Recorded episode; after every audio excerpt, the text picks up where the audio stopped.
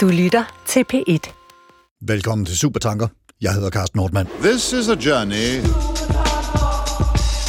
A journey which along the way will bring to you new color, new dimension, new value. Please, uh, would you mind saying that again? What we're gonna do right here is go back. Way back. Back into time. When the only people that existed were troglodytes, cavemen, cave women, Neanderthal, troglodytes.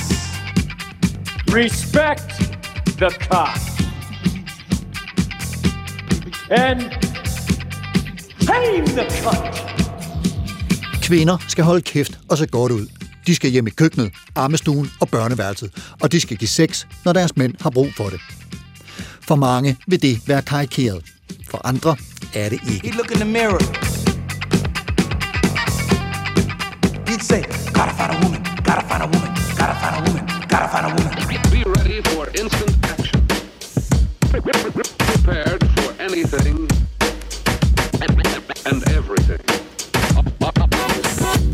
I de senere år, i opgøret med patriarkatet, det vil sige mænds hævdvundne dominans i store dele af offentligheden, og for nogens vedkommende også i hjemmesfæren, er begrebet toksisk maskulinitet blevet en del af vores sprog. Betydningen er ofte forbundet med mænd, der er mænd, der fastholder, at bøsser er skydevåben, og kvinder er det svage køn, der både kræver beskyttelse og så sandelig også skal indordne sig deres mænds dagsorden, når det nu faktisk er mændene, der forsørger, beskytter og i det hele taget tager sig af dem. Og den indstilling findes stadig. I forskellige grader, ja, men ikke desto mindre. Og den finder bekræftelse og næring i det, der med en bredere paraplybetegnelse bliver kaldt manosfæren.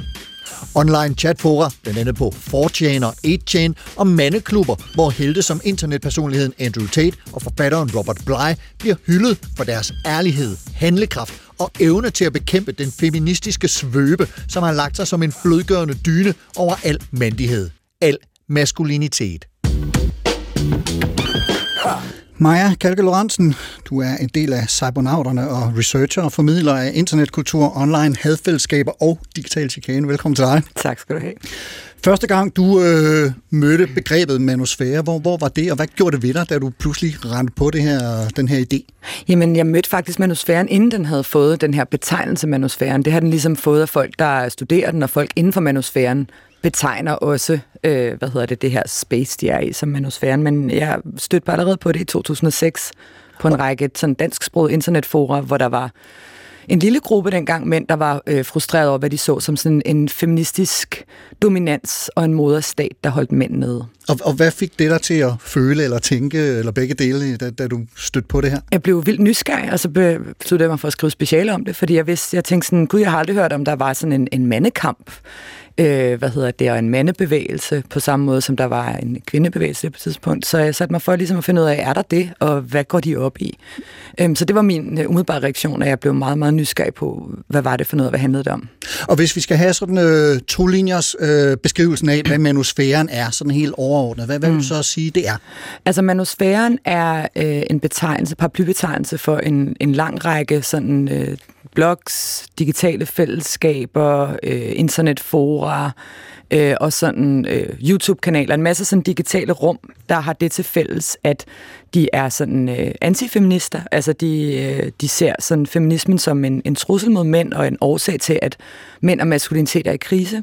Og så har de også sådan en, øh, hvad kan man sige, en bioessentialistisk tilgang til køn. Det vil sige, at de mener, at biologi øh, sætter nogle rammer for, hvordan mænd er og hvordan kvinder er, og det er naturligt, og det skal man altså ikke rode for meget ved, hvis ikke man ligesom vil ødelægge civilisationen. Så når jeg siger i introen, at, at øh, kvinder skal holde kæft og se godt ud, og de skal tilbage i køkkenet, armestuen og, og hvad jeg ellers øh, fik fyret af der, mm. er det så øh, nogenlunde i tråd med den virkelighed, man kan møde i nogle af de her I nogle af de forer, men mange af dem er det, er det faktisk ikke det, det handler om. Der handler det om et narrativ om, at feminismen er gået for langt i forhold til at pille ved, øh, hvad hedder det, balancen mellem kønnene, og at den nu er interesseret i at undertrykke mænd. Men det er ikke, fordi man nødvendigvis har en interesse i at få kvinderne tilbage i køkkenet. Men det kan du bestemt også finde mænd, der mener. Identitet ja, som, som eksempel. Ikke? En af dem, ja. Men altså, den her splittelse, som, som manusfærefællesskaberne er et øh, i nogen grad rimelig øh, radikalt, eller nogle tilfælde rimelig radikalt øh, udtryk for. Hvad, hvad er det, der har fremkaldt den? Altså, er det sådan en, sådan en, en, en negativ omtale eller udgrænsning af den hvide midaldrende mand? Det hører man ofte. Altså? ja, altså, øh, der er i hvert fald ofte med sociale bevægelser, så kommer der, øh, hvad hedder det, den modreaktion, de altid vil have, vil få et bedre rekrutteringsgrundlag efterhånden, som den her sociale bevægelse bliver mere mainstreamet. For eksempel, at du ser en person som Beyoncé stille sig op på en scene, hvor der står feminist bag ved hende. Det var virkelig sådan et moment for den feministiske bevægelse, at man ikke længere virkede som en radikal mandhed, når man kalder sig feminist. Nu er der ligesom mange, der kalder sig det. Og så kan man også bedre lave det argument, som mange i manusfæren gør, at øh, jamen, feministerne har overtaget det hele, og nu er det ligesom sådan mændene, der offrer dem, som egentlig er undertrykte. Så man ser ligesom som en, en modreaktion på, øh, på kvindebevægelsen tilbage i 70'erne, at der opstår en først en profeministisk mandebevægelse, men så også, at der opstår en sådan en antifeministisk mandebevægelse, og at den ligesom øh, får mere og mere vind i sejlene, men også, at det er nogen, der formår og, og sådan tabe ind i nogle andre typer kriser i samfundet og få dem til at handle om køn. Mm. For ret mange mennesker, så synes den her manusfære og, og, og diskussionen om den at være noget sådan relativt nyt, og, og det er også noget, der har fået øh, mere fokus de senere år. Du har nogle eksempler på, at den faktisk har været øh, i spil i rigtig mange år, men, men altså ikke mindst i kølvandet på, på hele MeToo-samtalen, mm. så, så, så skete der jo en masse ting, som, som rettede fokus mod det her. Men altså allerede tilbage i 1949 skrev filosofen Simone de Beauvoir i sit øh, berømte værk, Det andet køn, der skrev hun sådan her, jeg citerer, Man kan ikke bebrejde dem, at de kun med tungt hjerte opgiver alle de privilegier, denne myte om kvinden som den anderledes skænker dem. De ved, hvad de mister, hvis de giver afkald på deres drømmebillede af kvinden, men aner intet om, hvad kvinden af i morgen kan give dem. Altså, det lyder jo lidt som om, de, de øh, omtalte mænd, øh, dem mm. som er i manusfæren, begræder tabet af romantiske dyder, som at holde døren for kvinderne og give dem mm. blomster samt deres lomterklæder op og sådan noget, når de taber med. Er det det, der er på spil? Er det sådan en tabserfaring, som bare bliver helt underligt formidlet. Det er helt klart også på spil. Altså, der er både en romantisering af en eller anden form for øh, forestillet fortid, hvor man vidste, hvad mænd skulle stå for. De stod for at forsørge og passe på familien, og kvinden stod for omsorg, og det var meget afbalanceret, og i dag så er der skilsmisseraten er høj, og børnene vokser op uden fædre, og det hele er bare enormt forfærdeligt. Så man har den her, det her romantiske sådan tilbageskuende blik, selvom det jo ikke har været sådan, øh, det, det ikke nødvendigvis har været perfekt og romantisk sådan i, i gamle dage, hvor du havde traditionelle kønsroller. Men så er der helt klart også en angst for, jamen, hvad bliver det her i morgen, når kvinderne frigør sig, og man som mand skal til at redefinere, jamen hvad er det så at være en mand, når du ikke kan læne dig tilbage i de her mere traditionelle forestillinger om, jamen du er en, en fysisk beskytter eller en økonomisk forsørger, og du har den her, den her rolle i forhold til, øh, hvad hedder det, dine børn, og i forhold til din kone, og i forhold til din familie, men hvad skal du så? Og det skaber noget sådan grundlæggende eksistentiel angst. Du har fået at vide, hvad en mand er, øh, gennem hele din opvækst, og lige pludselig så skal du til at omtænke, hvad det, hvad det er. Men er det sådan et nulsumsspil, hvor, hvor hvis, hvis mændene skal give af, køb, køb på, på afkald, hedder det, på, på noget indflydelse eller retten til, hvad ved jeg, at så, øh, for, bare fordi kvinderne skal have det, altså at det, at der, det skal balancere i et nul et eller andet sted? Det bliver eller? det betragtet som i manusfæren. Ja. Der bliver det betragtet som et nulsumsspil. Der, der er blandt andet øh, for eksempel diskussioner om, jeg kan huske, så en, en dansk sproget diskussion på et tidspunkt, der handlede om, jamen, nogle aviser vil gerne have flere øh, kvinder i debatspalterne, så derfor vil de til at give prioritet til det øh, hvor hans argument var så, jamen hvad så med alle de, altså de mænd, der er rigtig dygtige, de skal nok få deres ting i, men hvad med også middelmodige mænd? Ja, ja. så bliver vi, altså når man sådan det her med, at det er et nul som spil, hvis der ud. bliver kvoter, ja. hvis man begynder at prioritere øh, kvinder til, til pladser til noget, som de ikke er sådan investeret nok i at få, ellers hvad så med de mænd, som ligesom bliver skubbet mere ud til markederne. Så der er helt klart en, en idé om, at det er en form for nulsumspil, og især øh, i manusfæren drejer det sig faktisk især om de øh, seksuelle og sådan kærlighedsmæssige øh, relationer med kvinder. Ja. Der er der en idé om det her med, jamen, altså, med, med kvinders frigørelse og økonomiske frigørelse fra mænd, så øh, de mener jo stadigvæk, at, at så kvinder er ude efter en forsørger på en eller anden måde, eller en, der sådan er højt op i et eller andet forestillet hierarki. Men fordi de kan forsørge sig selv, så vil de ikke lade sig nøje med mændene længere ned i hierarkiet. Og de her mænd ender så op sådan ensomme og, og uden børn og øh, uden en, en kæreste, og, og det er ulykkeligt for alle parter, er ligesom deres argument. Så de har helt klart sådan en fornemmelse af, at altså, kvinders frigørelse øh, frarøver mænd noget, de havde før i tiden. Ja. Mikkel Thorup, professor i idehistorie på Aarhus Universitet. Velkommen til dig. Tak skal du have.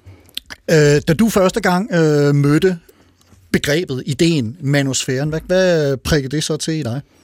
Jamen, så jeg tror, jeg opdagede den sådan små 10 år efter Maja. Øhm, det nok er meget sigende for, øh, for vores sådan, viden omkring det her.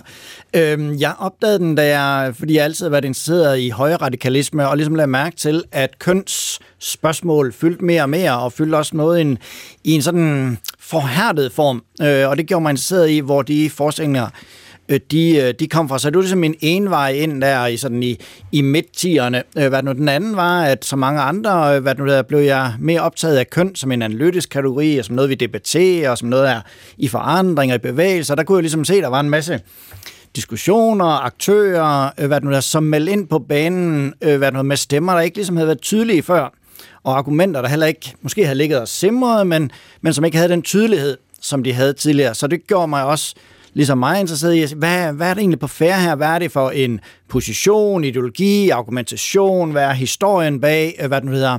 Øh, hvorfor dukker det op med den form for kraft, øh, hvad det nu det hedder? Og i nogen henseender også den form for aggressivitet, øhm, som man måske kan sige har en lang hale bagud i tid, men alligevel er lidt lidt ny og anderledes. Altså, det er jo helt klart, at, at i løbet af de seneste 10 år, give or take, mm. øh, har der været fokus på blandt andet hele MeToo-ting. Mm. Øh, der har været meget omtale af patriarkatet som noget, vi gerne vil gøre op med, og, og, og hele den der, øh, som, som mange opfatter som en, en skævvredet balance mm. Mm. Øh, imellem køn og, og, og så videre. Så videre. Altså, er, der, er, der, er, det, er det sådan en, hvad kan man kalde det, reaktion, avler reaktion? Øh, eller, Jamen i hvert fald altså, kan vi jo se, at at, at, at øh, manusfæren er den seneste udgave af en lang antifeminisme, som jo, som navnet antyder, jo er en form for reaktion, øh, hvad den hedder, mod, modvægt, eller hvordan man nu vil vælge at kalde det til feminismen. Så de har ligesom en, en forstand en fælles historie, øh, hvad det nu, der kan kun være en antifeminisme, når, når der er en feminisme, og de spejler en vis forstand hinanden, eller rettere antifeminismen spejler øh, feminismen, så der hvor den er på vej hen, der kommer der en eller anden øh, øh modreaktion, men jeg tror også, hvad nu, for lige at forplumre tingene en lille smule, man også skal have seksualitetsspørgsmålet med ind, så det her, den her aktuelle udgave kommer også sådan på hælene af, at vi har haft, eller har en helt anden synlighed for øh, homoseksuelle, og nu senere transkønnet i vores offentlige debat og vores offentlige sfære, og det er svært at forstå manusfæren som ikke også en reaktion imod det, vi måske jo kalde for sådan det heteroseksuelle paradigme, øh, hvad nu, eller den heteroseksuelle selvfølgelighed. Øh, at man ligesom var der, og man var naturlig, og det var ligesom bare givet, at det var sådan det, det handlede om. Der er også en reaktion der, som ikke kun handler om øh, feminister, men også handler om en, et bredere sæt af, som mig også siger, ting og sager, man føler, man er ved at miste. Mm. Og, og hvis vi så, ja, netop apropos øh, miste, øh, lige, lige retter blikket mod mm. Simone de Beauvoir, mm. en citat der fra 49, hvad, hvad, mm. prikker, hvad, hvad siger hun så dig med, med, med de ord her? Altså, hvor, hvorfor er det øh, citat interessant for os i dag her? Jamen, jeg synes det er interessant, fordi det peger på, at, at netop, at man kan have en tabserfaring. Det kan godt være, at det, man er ved at tabe, er ikke noget, man burde have, øh, hvad det nu det hedder. Det kan godt være, at man er kommet uretmæssigt til det, men når man har noget, så føles det svært at tabe det. Øh, og hvis det tabet er det eneste, man kan se, du kan kun se, der er et eller andet, du ikke længere kan. Der er et eller andet, du ikke længere må. Der er et eller andet, du ikke længere har. Men det er meget uklart, hvad der kommer på den anden side. Der er ikke nogen, der fortæller dig, hvilke dejligheder, der ligger på den anden side. Du kan ikke stole på, at du giver slip på det her, så får du noget i den anden ende. Så kan man godt forstå, at man bliver angst, man bliver nervøs, man bliver usikker. Jeg synes også, der er noget her, der er noget sådan tidsmæssigt i citatet, der er super vigtigt, hvor øh, man kan jo høre mange i debatten sige noget i retning af, man må jo ikke sige noget længere. Ja. Man kan ikke flytte længere. Ikke? Ja. Altså, det er en idé om, at der er noget, der var naturligt, man bare gjorde, mm. som lige pludselig bag om ryggen på en, og uden at man blev varslet og spurgt, så må man ikke det længere. Men men det, det er udelukkende tabet, der bliver signaleret der, det ikke? Nu må man jo ikke flytte længere, ligesom man heller ikke må voldtage, eller et eller andet. Du ved, det, ja. det er som om, at, at det er kun tabet. Øh, og det betyder jo selvfølgelig, at hvis man bare står i det tab, så er en naturlig reaktion på at gribe fat i, hvad man har, insistere på det meget hårdere, øh, hvad det nu det hedder, øh, og prøve ligesom at slå igen mod dem, man, man mener er ved at stjæle det, der er ens berettigelse. Mm. Og, og, og noget af det, som øh, nogle af, meget i forlængelse af det, du siger der, Mikkel, som, som nogle af manusfære-menneskerne taler om og argumenterer med, det er nemlig sådan, at det, det er sådan her, det er uden for, det er uden for diskussion. Det er sådan her, det altid har været. Det, det er naturligt. Det er simpelthen menneskets natur.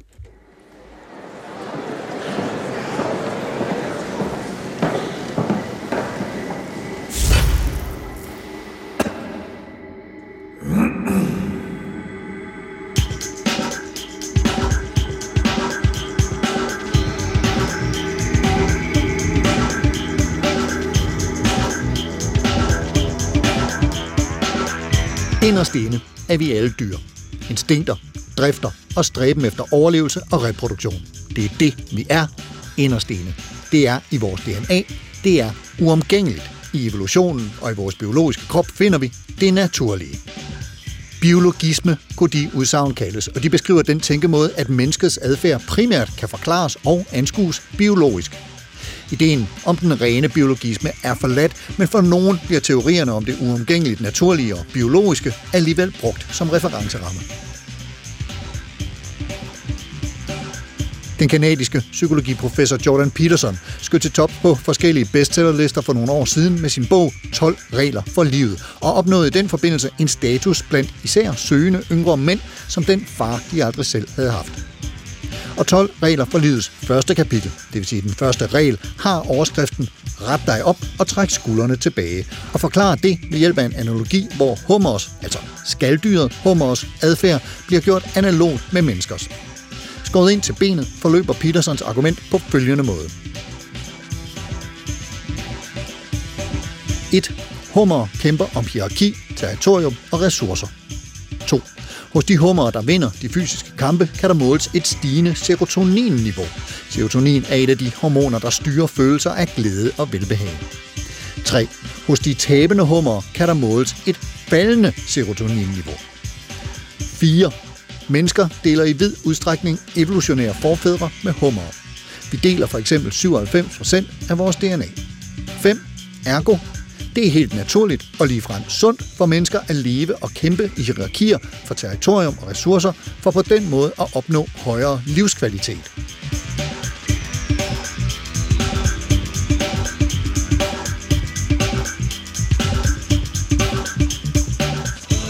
Evolutionspsykologien, som Peterson trækker på, er studiet af den menneskelige tænkning og adfærd betragtet fra en evolutionær synsvinkel. Evolutionspsykologien arbejder ud fra tesen om, at nogle universelle træk hos mennesket på tværs af kulturer måske kan skyldes evolutionære tilpasninger, som alle mennesker dermed deler. Som enhver anden videnskab har evolutionspsykologien i midlertid, og naturligvis sine begrænsninger.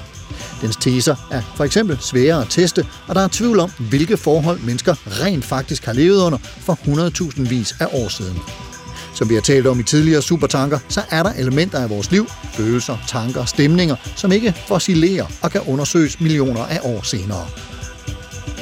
I alle videnskaber, og altså således også i evolutionspsykologien, er der det, man kalder explanatory gaps, altså forklaringshuller, som er der, hvor en teori rammer en mur og ikke kan forklare mere.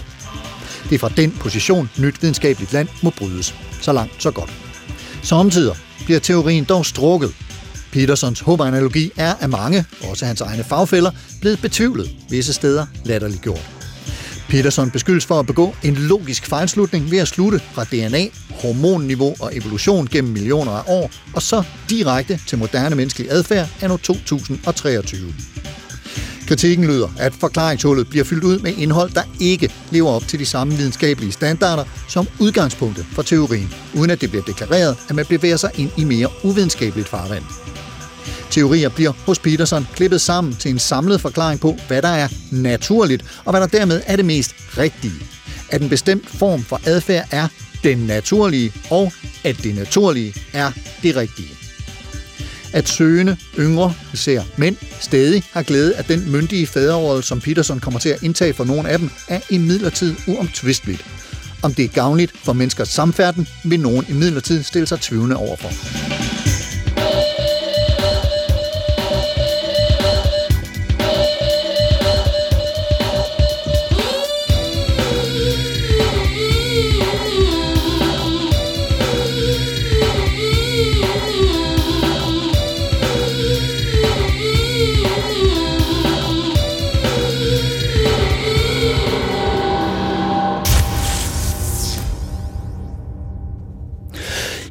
Maja Kalke Lorentzen, øh, det er det naturlige, synes nogen at mene. Hvad, hvad er vigtigt for os øh, at vide for at, at forstå det her, den her reference og nogle af de udsagn, Jordan Peterson øh, er, gør sig til talsmand for. Altså, hvad, hvad, hvis vi nu skal vide to, maks tre ting om manusfæren, hvad er så øh, nogle af de vigtigste pointer for dig, sag? Jamen altså, de er jo meget vild med den her idé om natur som en forklaringsmodel. Og det, man skal vide, er, at natur hos dem er et meget sådan plastisk begreb.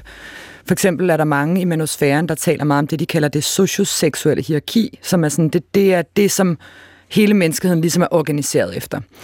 Og øh, det betyder, at, at altså, Jordan Peterson han snakker også om det her med, at kvinder er naturen, fordi vi gatekeeper reproduktion det, med vores livmødre. Ikke? De er, okay. Der har fungerende livmødre i hvert fald. Øh, men det, det mener han jo alle kvinder. Så derfor er vi natur. Og det synes folk i manusfæren også generelt. Altså, de mener ikke, at mænd nogensinde har haft magt over kvinder, fordi kvinder har den egentlige magt, fordi vi har den reproduktive magt, og vi vælger mænd til og fra. Og alt, hvad mænd gør, det er at prøve at komme op øverst i det her hierarki, hvor de vil blive valgt af kvinder. Det mener de er sådan, det er hele den bærende drift, øh, og har været det gennem evolutionshistorien for mænd og kvinder og køns, kønnets relationer. Det er ligesom sådan, det her med, at kvinder skal jo være kredsende, fordi vi kan kun bære et barn ad gangen. Mænd vil gerne sprede deres sæd så meget som muligt for sådan at formere sig, og, og kvinder er gatekeeper og vælger den bedste mand. Øhm, og det går de meget op i i manusfæren. Så laver de, snakker de ligesom det, om det her, de kalder det socioseksuelle hierarki, som er så nærmest en pyramide, hvor, hvor mænd ligger i forskellige sådan, niveauer, og øverst op ligger alfaen, og så er der en beta nedenunder, og en gamma og en omega, altså så du ligesom har den her hierarkiske sådan inddeling, og der forklarer de sådan, at en alfa han er socialt populær, og han tjener mange penge, og alle kvinderne vil have ham, og så lader de sig måske nøje med en beta, eller måske bliver de gravide med alfaen, og så opfostrer betaen hans børn, og så ligger omega mænd og har ikke nogen partner nede i bunden. Og de her inddelinger i alfa, beta og omega, det har de faktisk fra et gammelt studie af ulve. Så, så ikke alene at manusfæren går meget op i menneskelig natur og biologi, jeg siger det i anførselstegn, de har det også med at finde dyr, som udviser en adfærd, apropos Jordan Petersons hummer, som de synes giver mening, og så de sådan, se i naturen er det sådan her. Så de her ulve forklarer de sådan, at man, de er inddelt i sådan nogle flokke, hvor der er en alfa, han der dominerer de andre. Problemet med det er bare, at ham, der lavede det ulvestudie, han har senere været ude at sige, ulve lever slet ikke sådan her. Det var okay. nogle ulve i fangenskab, som opfører sig sådan her over for hinanden, men ude i naturen, der lever de i, i familieflokke. Altså det er en mor og en far, deres unger, og når ungerne bliver voksne, så smutter de. Der er ikke en alfa, der går sådan og dominerer de andre, og en omega, der går rundt med hælen mellem benene. Men det er meget sådan indbegrebet af manusfærens idé om natur. Både det her med at, at, at have en enormt sådan simpel idé om, hvad naturen er, og cherrypicke sådan dyr, som opfører sig på en måde, som man synes giver mening, og så sige, se, som understøtter det på mennesker også gøre, ja. og så derudover sådan have noget ret forfejlet data og viden, fordi naturen øh, og, og dyrs relationer er også kompleks. Der er homoseksuelle dyr, øh, der er dyr, der begynder at opføre sig på en anden måde, hvis ja, naturlige omstændigheder ja. øh, hvad hedder det, øh, ændrer sig. Øh, altså det er i virkeligheden sådan biologi og seksualitet og formering i naturens verden er også meget mere kompleks, end de vil reducere det til. Så jeg synes, den her idé om det her hierarki og alfaer og betaer og sådan noget, er et meget godt billede på, hvordan manusfæren sådan går ret frivolt til begrebet natur øh, og øh, ja, analyserer det sådan til deres egen fordel. Mikkel? Jamen, jeg tror bare, jeg vil tilføje, at øh, jeg tror, man skal skelne lidt øh, mellem lad os sige, biologi, biologiske forskelle, alt øh, vores krop er øh, et stykke kød, og der er illusion i det, og DNA og hormoner, og så det, der er på færre her, som er det, vi jo kalder for biologisme. Mm. Det vil altså sige øh, ideologi udtalt via biologiske termer. Øh, og, og som mange siger, så det tjener en lang række øh, vigtige formål, og en af formålene er jo at sige, at feminismen er ligegyldig.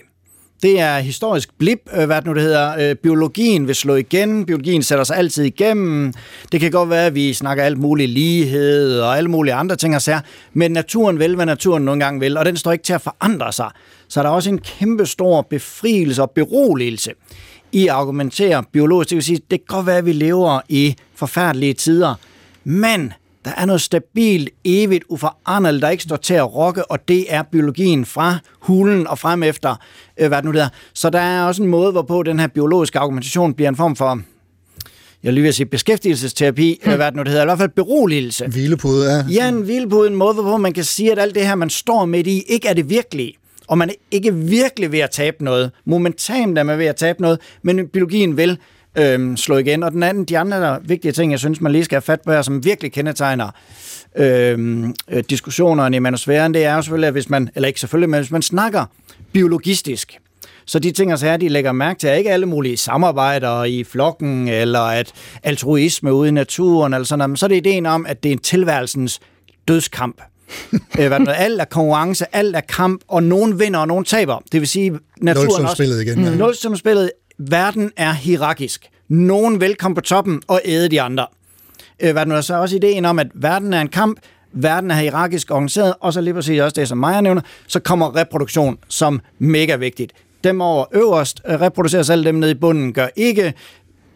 Det er en kæmpe stor diskussion, som også ligger i manusfæren af form for retten til sex, eller retten til kvindens krop, øh, hvad det nu hedder, på den ene side, og på den anden side en voldsom optagethed af at styre kvindens seksualitet og reproduktion. Hmm. Så vi får alle mulige forbindelser ud i abortdiskussioner, øh, hvad det nu hedder, voldtægtsdiskussioner, alle sådan ting, altså, som om man siger, bagt ind i den særlige måde at forstå biologi på. Og lige det her med, som, som du lige var inde på, med, med, med at se virkeligheden. Vi lever i en grim virkelighed nu, men det hele ændrer sig, fordi der er en anden virkelighed bagved. Det kommer vi ind på øh, lidt mere om et øjeblik, men, men, men før vi når dertil, så kunne jeg egentlig godt tænke mig, at vi lige tager sådan en... Vi skal, er der sådan en oprindelseshistorie for hmm. det her? Fordi det lyder som om, øh, det synes jeg tit, når man støder på det, som om manusfæren, det er noget, der er opstået i løbet af de seneste 10-15 år, eller et eller andet, at der er de der meget rabiate. Men, men, men Maja, den har jo trådet langt, langt, langt længere tilbage, eller i hvert fald noget, man kan referere til. Ja, og jeg tror, altså man skal jo også kigge helt tilbage til, øh, altså som, som Mikkel også fortæller, så snart der, der kom en feminist, så opstod der sikkert også en antifeminist, der synes, at hun var skide irriterende. Ikke?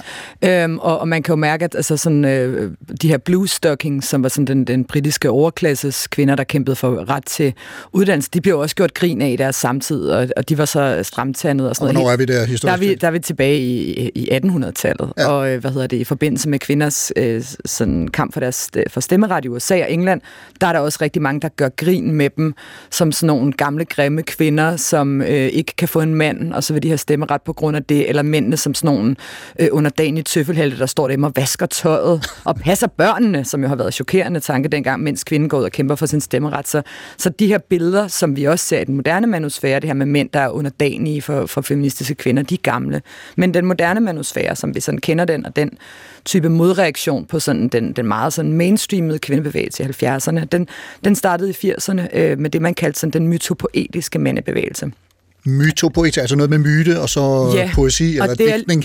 ja, lige præcis. Det er sådan noget med at tage udgangspunkt i sådan de her jungianske arketyper til at, øh, altså, at, at have egentlig øh, nogle grundsten, som er sådan blandt andet, at, at mænd skal i terapi og reflektere over, hvad det er at være en mand. Øh, men det, den så tager udgangspunkt i, det er den her idé om, jamen det er vigtigt, at der er en rejse fra dreng til mand, og det er kun andre mænd, der kan lære dig at være en rigtig mand. Mm. Øhm, og udgangspunktet er ligesom, øh, at, at sådan den her idé om, at patriarken er blevet fældet af feministerne, og det er der også nogle gode ting ved, men hvordan ved du så, hvordan du er en rigtig mand, når du ikke skal vokse op til at blive en patriark? Der var meget diskussion om det her 80'erne også med Peter Pan-syndromet, ikke? om mænd, der ikke vil blive voksne, fordi de vidste ikke, hvordan man gjorde, fordi nu var der ikke en patriark, man kunne sådan kopiere længere. Og det er så der, mytopoeterne kommer ind og siger, vi kan godt lære dig at være en rigtig mand. Mm. Øh, det er meget sådan noget med, du ved, ud i skoven og lave mandegrupper, og bruge de her jungianske arketyper øh, til ligesom sådan at finde ud af, hvad for, en, hvad for en type mand er man. Men så har den også altid haft et spor af antifeminisme, og sådan en, en idé om sådan, jamen, vi laver en mandebevægelse, ikke sådan decideret sådan som, som sådan en antikvindebevægelse, men som en reaktion på, at vi får frataget os vores identitet af den her feminisme nu. Og derudaf så vokser så mange af de grene, vi kender i den moderne manusfære, som også, udover at have alle de her ideologier og tanker, som Mikkel jeg taler om, også i høj grad er et sted, hvor folk er, fordi de kan tjene penge på det. Altså nu hørte vi uh, i, i introen, og jeg tror, vi kommer til at høre det igen, uh, Tom Cruise i rollen, som, som sådan en uh, mandeprædikant, kunne man ja. nærmest kalde det, fra den film, der hedder Magnolia, uh, hvor, hvor han talte om Respect the Cock og Tame the Cunt. Ja. Og sådan som jeg har forstået det på dig, så er han faktisk, den karakter er bygget på en, en forfatter. Han er bygget på en, en rigtig sådan, det man kalder, jeg vil kalde en skruerkunstner i dag, øh, fra 90'erne, som øh, lavede en masse kurser, og øh, det, dengang var det jo sådan noget det, øh, videobånd, man bestilte med hans taler, ikke? Nu kan du se det på internettet. Men det samme skete omkring ham, der hedder Robert Bly, som har skrevet den bog, der hedder Iron John, som ligesom kickstartede den mytopoetiske mandebevægelse, og også spredte sig som ring i vandet med sådan terapeuter og kurser og mande grupper og sådan noget, men det her med, at det var i høj grad et space, hvor der meget hurtigt kom nogle folk, der ville tjene penge på det, som skrev selvhjælpsbøger, som lavede øh, hvad hedder det, workshops og kurser og taler, og efterhånden som internettet kom, så eksploderede det her, fordi du lige pludselig har en mulighed for at have en betalt blog, eller en podcast, eller en række videoer. Man kan jo bare se, hvordan Andrew Tate har formået at få folk til at betale ham penge, for at de markedsfører ham selv på TikTok, for eksempel. Det er sådan det der Hustlers University, han har haft fungere. Ikke? Hustlers University, ja, det hedder det simpelthen. Hustlers University. Øh, og, og det, man lærer, er, hvordan markedsfører du på nettet, og så skal du bruge Andrew Tates indhold til at markedsføre. Så det er jo, altså sådan, fra et forretningsperspektiv er det super smart. Men det er bare også bare vigtigt at vide, at på det tidspunkt, så bliver manusfæren og de her sådan, hvad kan man sige, den her frygt og den her eksistentielle øh, krise, som mange mænd oplever, de er i, og som jo er en reel ting for folk, den begynder også at blive øh, markedsgjort. Øh, der kommer sådan en, en, en kapitalistisk logik ind i det. Så, og det er også noget, jeg ved fra mange af de mænd, jeg har talt om, der har været inde omkring og ude af manusfæren igen, de siger, jeg har stort set ikke mødt nogen derinde, der ikke var ude på at sælge mig eller andet. Interessant. Og der er jo øh, inde i den her manosfære, som jo er en sfære, øh, en stor paraplybetegnelse, der er øh, en, en, en række grupperinger, blandt andet også, som øh, har at gøre med de her forskellige former for virkelighedsopfattelse, og dem øh, hører vi lige lidt om her.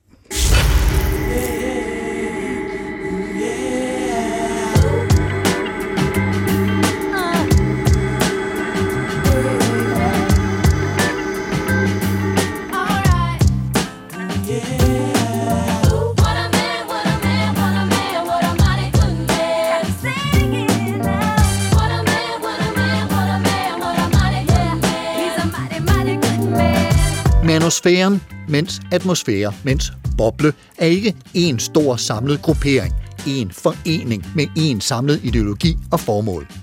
Men de har en slags fællesnævner i filmen The Matrix fra 1999. Filmens hovedperson, Neo, får et valg af en fremmed, der viser sig at være oprørsleder. Tag den blå pille og fortsæt dit liv, som om intet var sket. Tag den røde pille og vågn op til den virkelige verden, uden skyklapper, røgslør og løgne. Do you believe in fate, Neo? No. Why not? Because I don't like the idea that I'm not in control of my life. I know exactly what you mean. There's something wrong with the world. You don't know what it is, but it's there. You can see it when you look out your window or when you turn on your television. You can feel it when you go to work, when you go to church, when you pay your taxes. It is the world that has been pulled over your eyes to blind you from the truth. You take the blue pill, the story ends. You wake up in your bed and believe whatever you want to believe.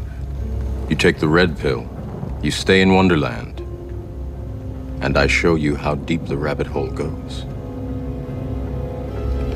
Remember, all I'm offering is the truth, nothing more. I 2012 oprettede den republikanske politiker Robert Fisher et forum på det sociale medie Reddit med navnet The Red Pill. Et forum, der skulle forsvare mænds rettigheder. Et forum bestående af folk, der er vågnet op til den virkelige virkelighed. En virkelighed, hvor kvinder har taget magten, og mænd er kørt ud på et ydmygende sidespor. Et sidespor, som mænd til kamp for at komme tilbage i den naturlige magtposition. Siden da har forskellige farver af piller været en symbolsk markør for, hvilken gruppering og hvilket tankesæt man abonnerer på. Lederne af nogle af disse grupper udtaler sig helt åbent på internettet. Andre, lidt mere lyssky, er blevet afdækket af whistleblowers eller undercover journalister. De klassiske red pill er de traditionelle konservative, ofte refereret til som alt-right, det alternative højre. De lever efter, at der på baggrund af naturens indretning er et hierarki, hvor manden dominerer, hvor manden forsvarer og forsørger kvinden naturligt. Sådan er verden indrettet, og det er et overgreb på både mænd, kvinder og børn at lave om på det. Det alternative højre er nogle steder optaget af omvendt kolonialisering og den store udskiftning forårsaget af indvandring. Grupperne Proud Boys og Oath Keepers, hvis ledere har modtaget lange fængselsstraffe for angrebet på den amerikanske kongres den 6. januar 2021, identificerer sig i denne gruppe.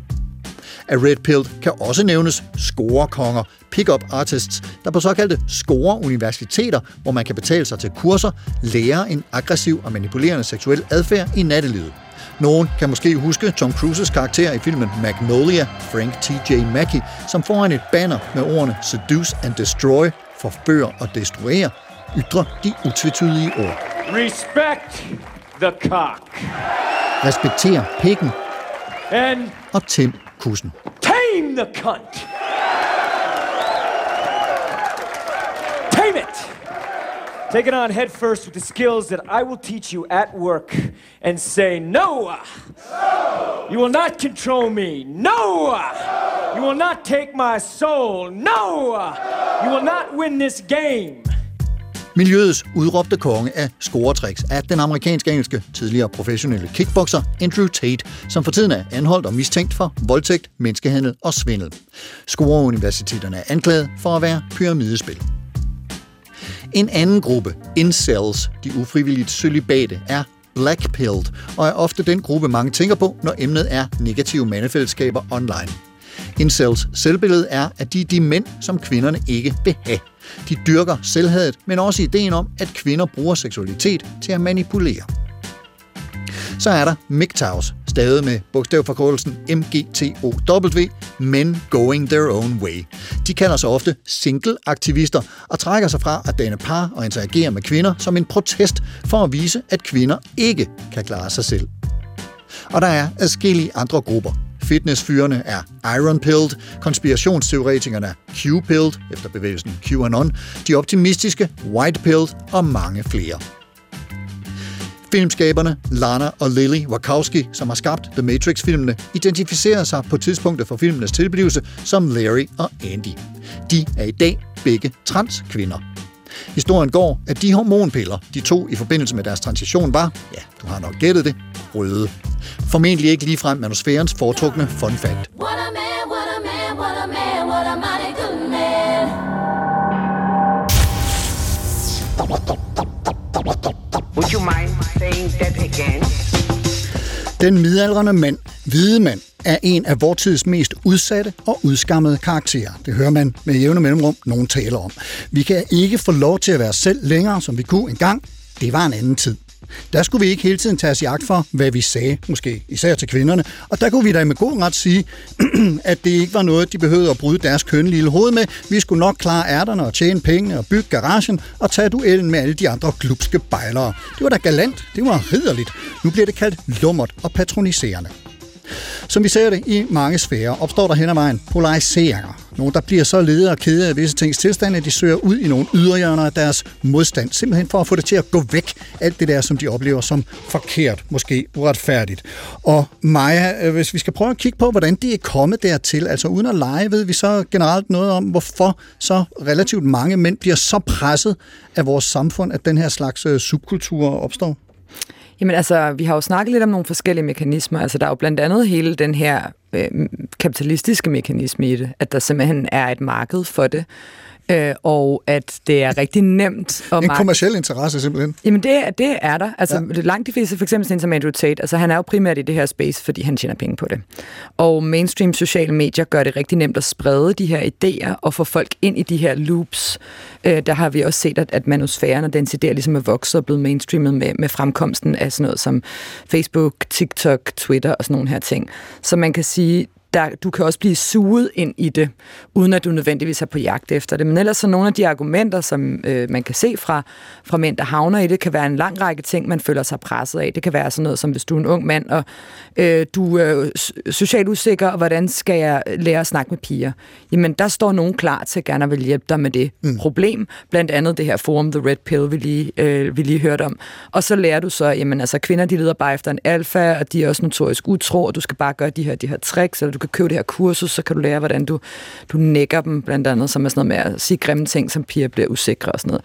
Det kan også være, at du er øh, blevet skilt, øh, og ligger i en, øh, hvad hedder det, øh, en forældremyndighedssag, og der vil der også stå nogle grupper i manusfæren klar til at fortælle dig, at jamen, systemet er altid imod mændene, og kvinderne de er bare ude på at tage dine børn og dine penge, og Der her er ligesom der uret. der gør der uret, og her er der ligesom nogle guides til, hvordan du kan gøre det. Der er en lang række veje ind. Det kan også være sådan eksistentielle spørgsmål omkring, jamen, hvad er meningen med livet, og hvordan er man en mand? Så kan det være, at man støder på Jordan Peterson, eller det kan være, at man øh, gerne vil i god form og træne. Jamen, der er også en masse fitnessguruer, spor, som er en del af manusfæren, eller en del af alt-right, som vi lige talte om, som sådan ligesom starter dig ud på, hvad kan du spise, og hvordan øh, sørger du for at huske lægdage, og så bliver der ligesom lagt noget propaganda for nogle andre ting Ja. ind i det.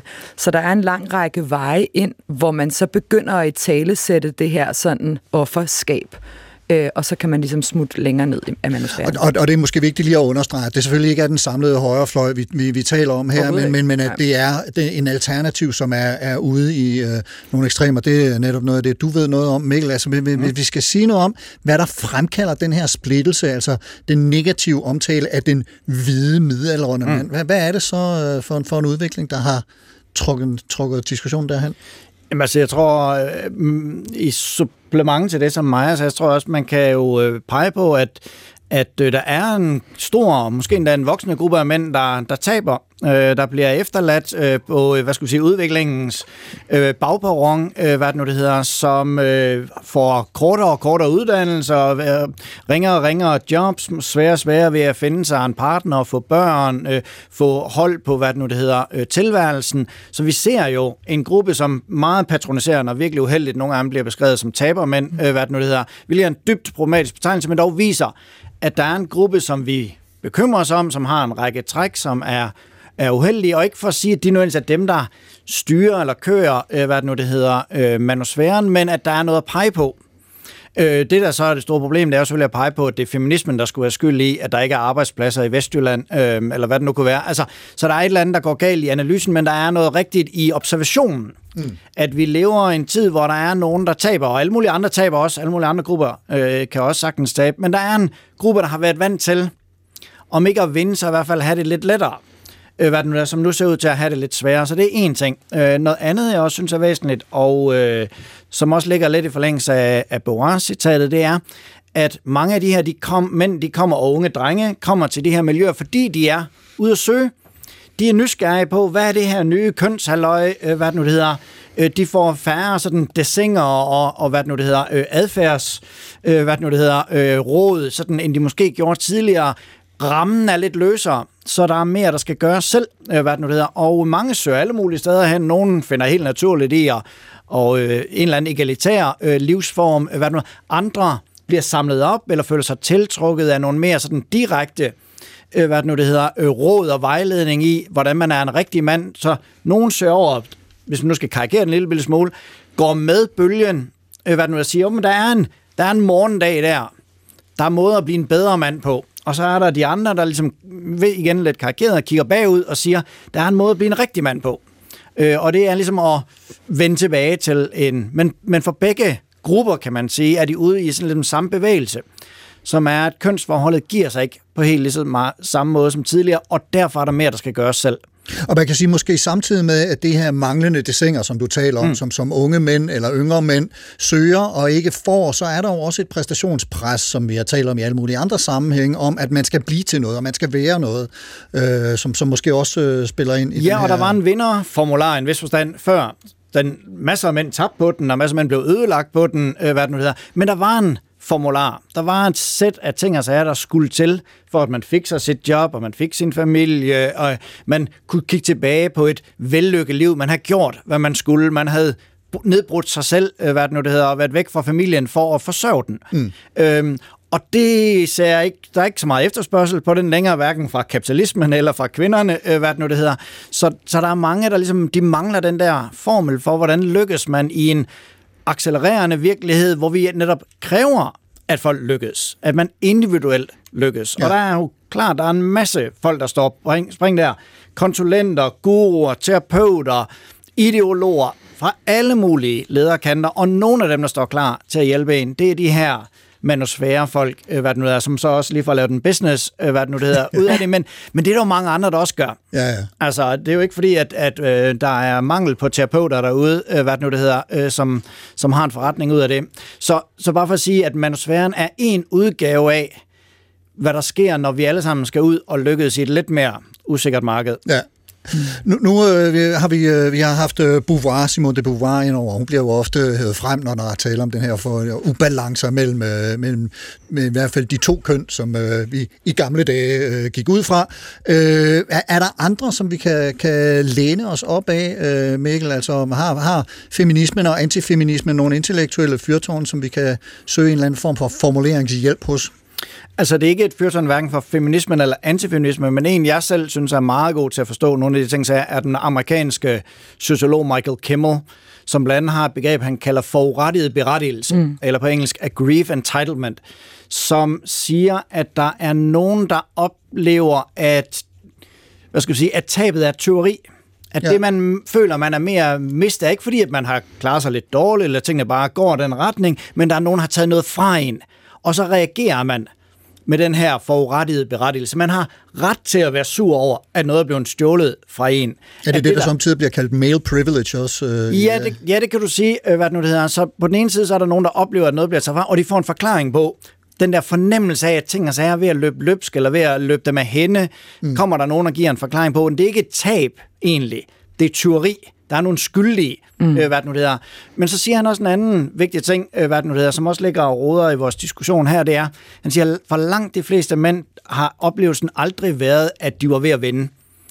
Langt de fleste mænd har oplevet at leve hårdere liv, øh, hvad det nu det hedder, hvor der har haft en boss, der skældte dem ud, og de har skulle øh, hvad det nu arbejde for en ringe løn, og de skulle kæmpe for ligesom, at få en del til så de kan ikke genkende sig i beskrivelsen af, at de var patriarkatets herrer, og de ligesom bare vandt uden indsats, fordi de var mænd.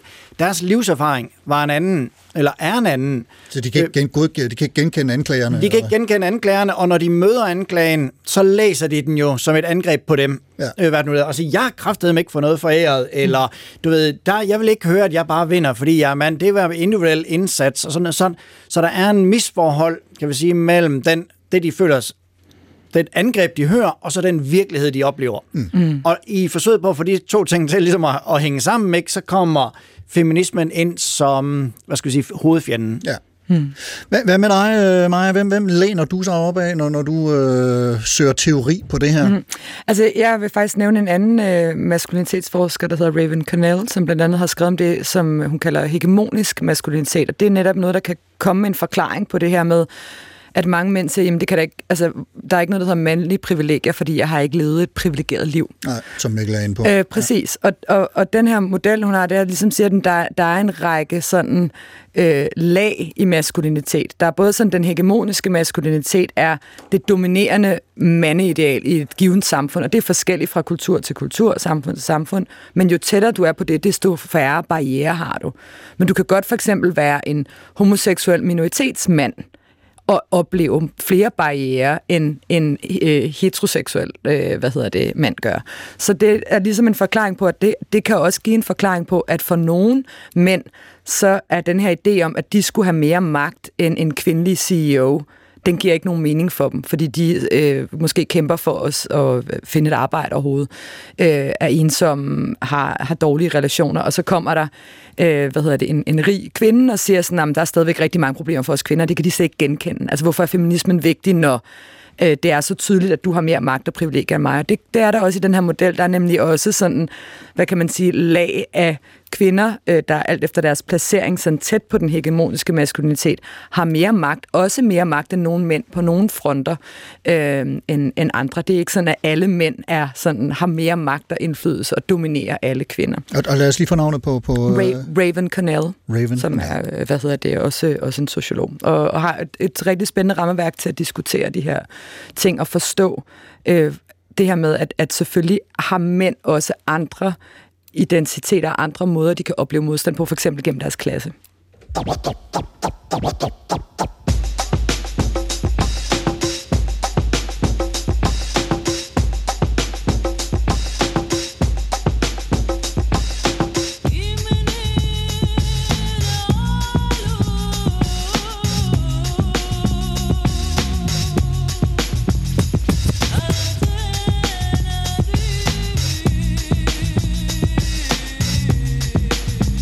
Uh, would you mind saying that again?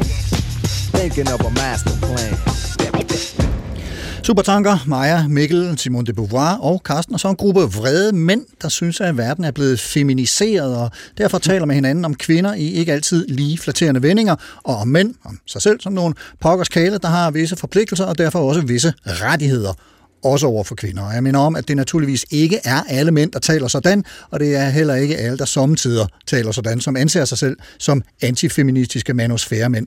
Men, men altså, det lyder som om, at, at vi er i en situation, som øh, på begge sider af en eller anden frontlinje, hvis vi skal tale om sådan en, er, er, er ufed og ikke særlig rar. Er, er der nogen som helst vej ud af det her, Maja? Kan, kan du øh, pege på en eller anden måde, hvor vi kan mødes og, og så finde ud af øh, mm. i, ja, i samdrægtighed og rolighed at leve sammen? Ja, altså jeg synes jo altid, det er svært det her med at reducere ting til sådan øh, to sider. Øh, og nu nævner du selv, at det ikke er alle mænd, der har det sådan. Jeg tror egentlig rigtig meget, at vejen ud af de her fællesskaber kan gå gennem andre mænd. Mm. Det er i hvert fald det, jeg kan høre.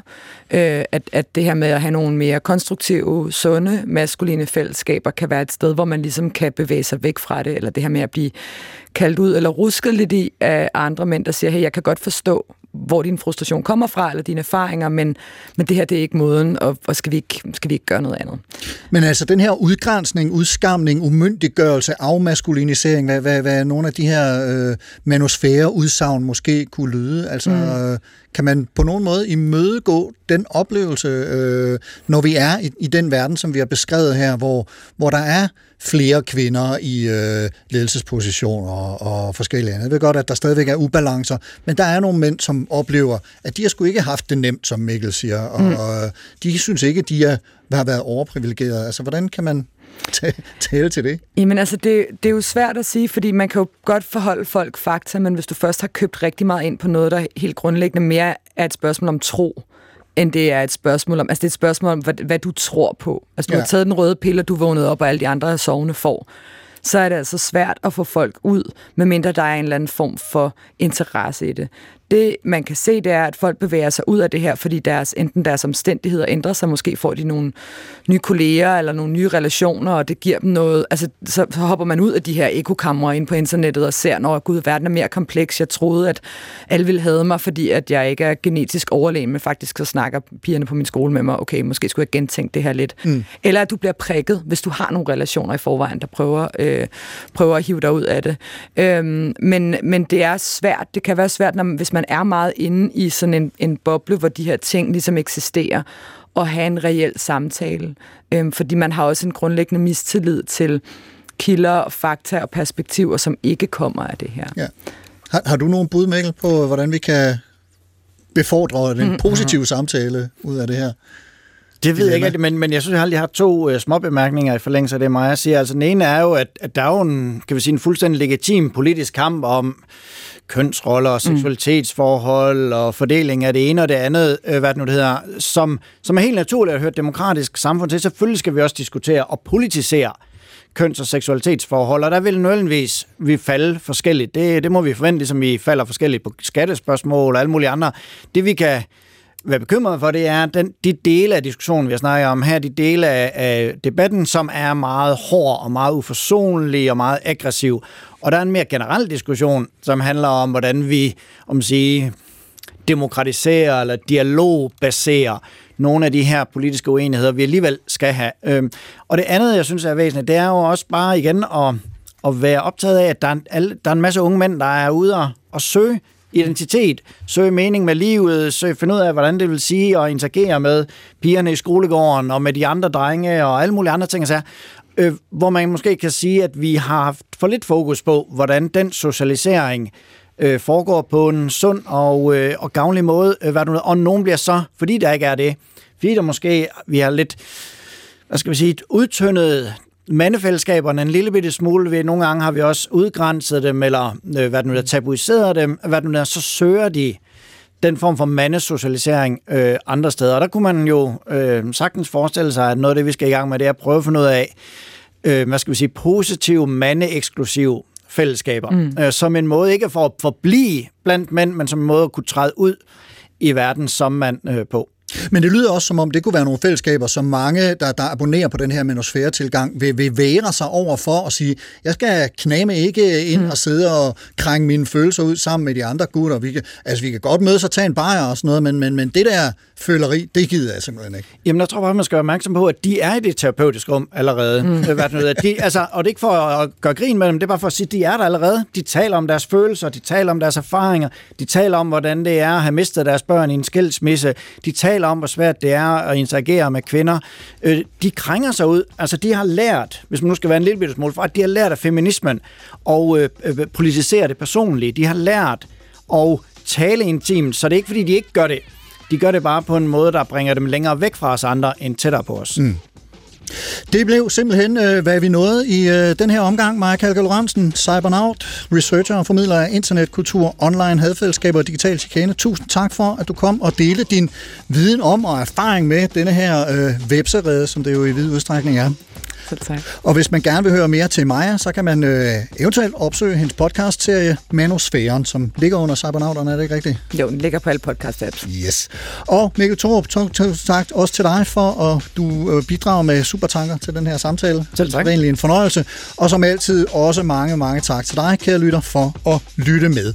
Hvis du har kommentarer, ris eller ros, så skriv på Carsten Nordmann Radio på Facebook og under Carsten Nordmann på Instagram og LinkedIn. Der kan man også finde billeder af supertankerne, anbefalinger fra dem og en musikplayliste til programmet her. Og hvis man hellere vil skrive på mail, så kan man det på supertanker.dr.dk.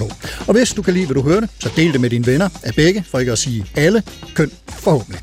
Programmet i dag var tilrettelagt af mig, Carsten Nordmann, i redaktionen Sune Witt. Ha' en rigtig god uge og på genhør.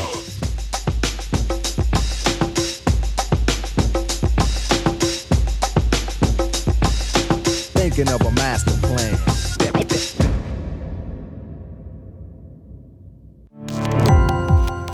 Gå på opdagelse i alle DR's podcast og radioprogrammer. I appen DR Lyd.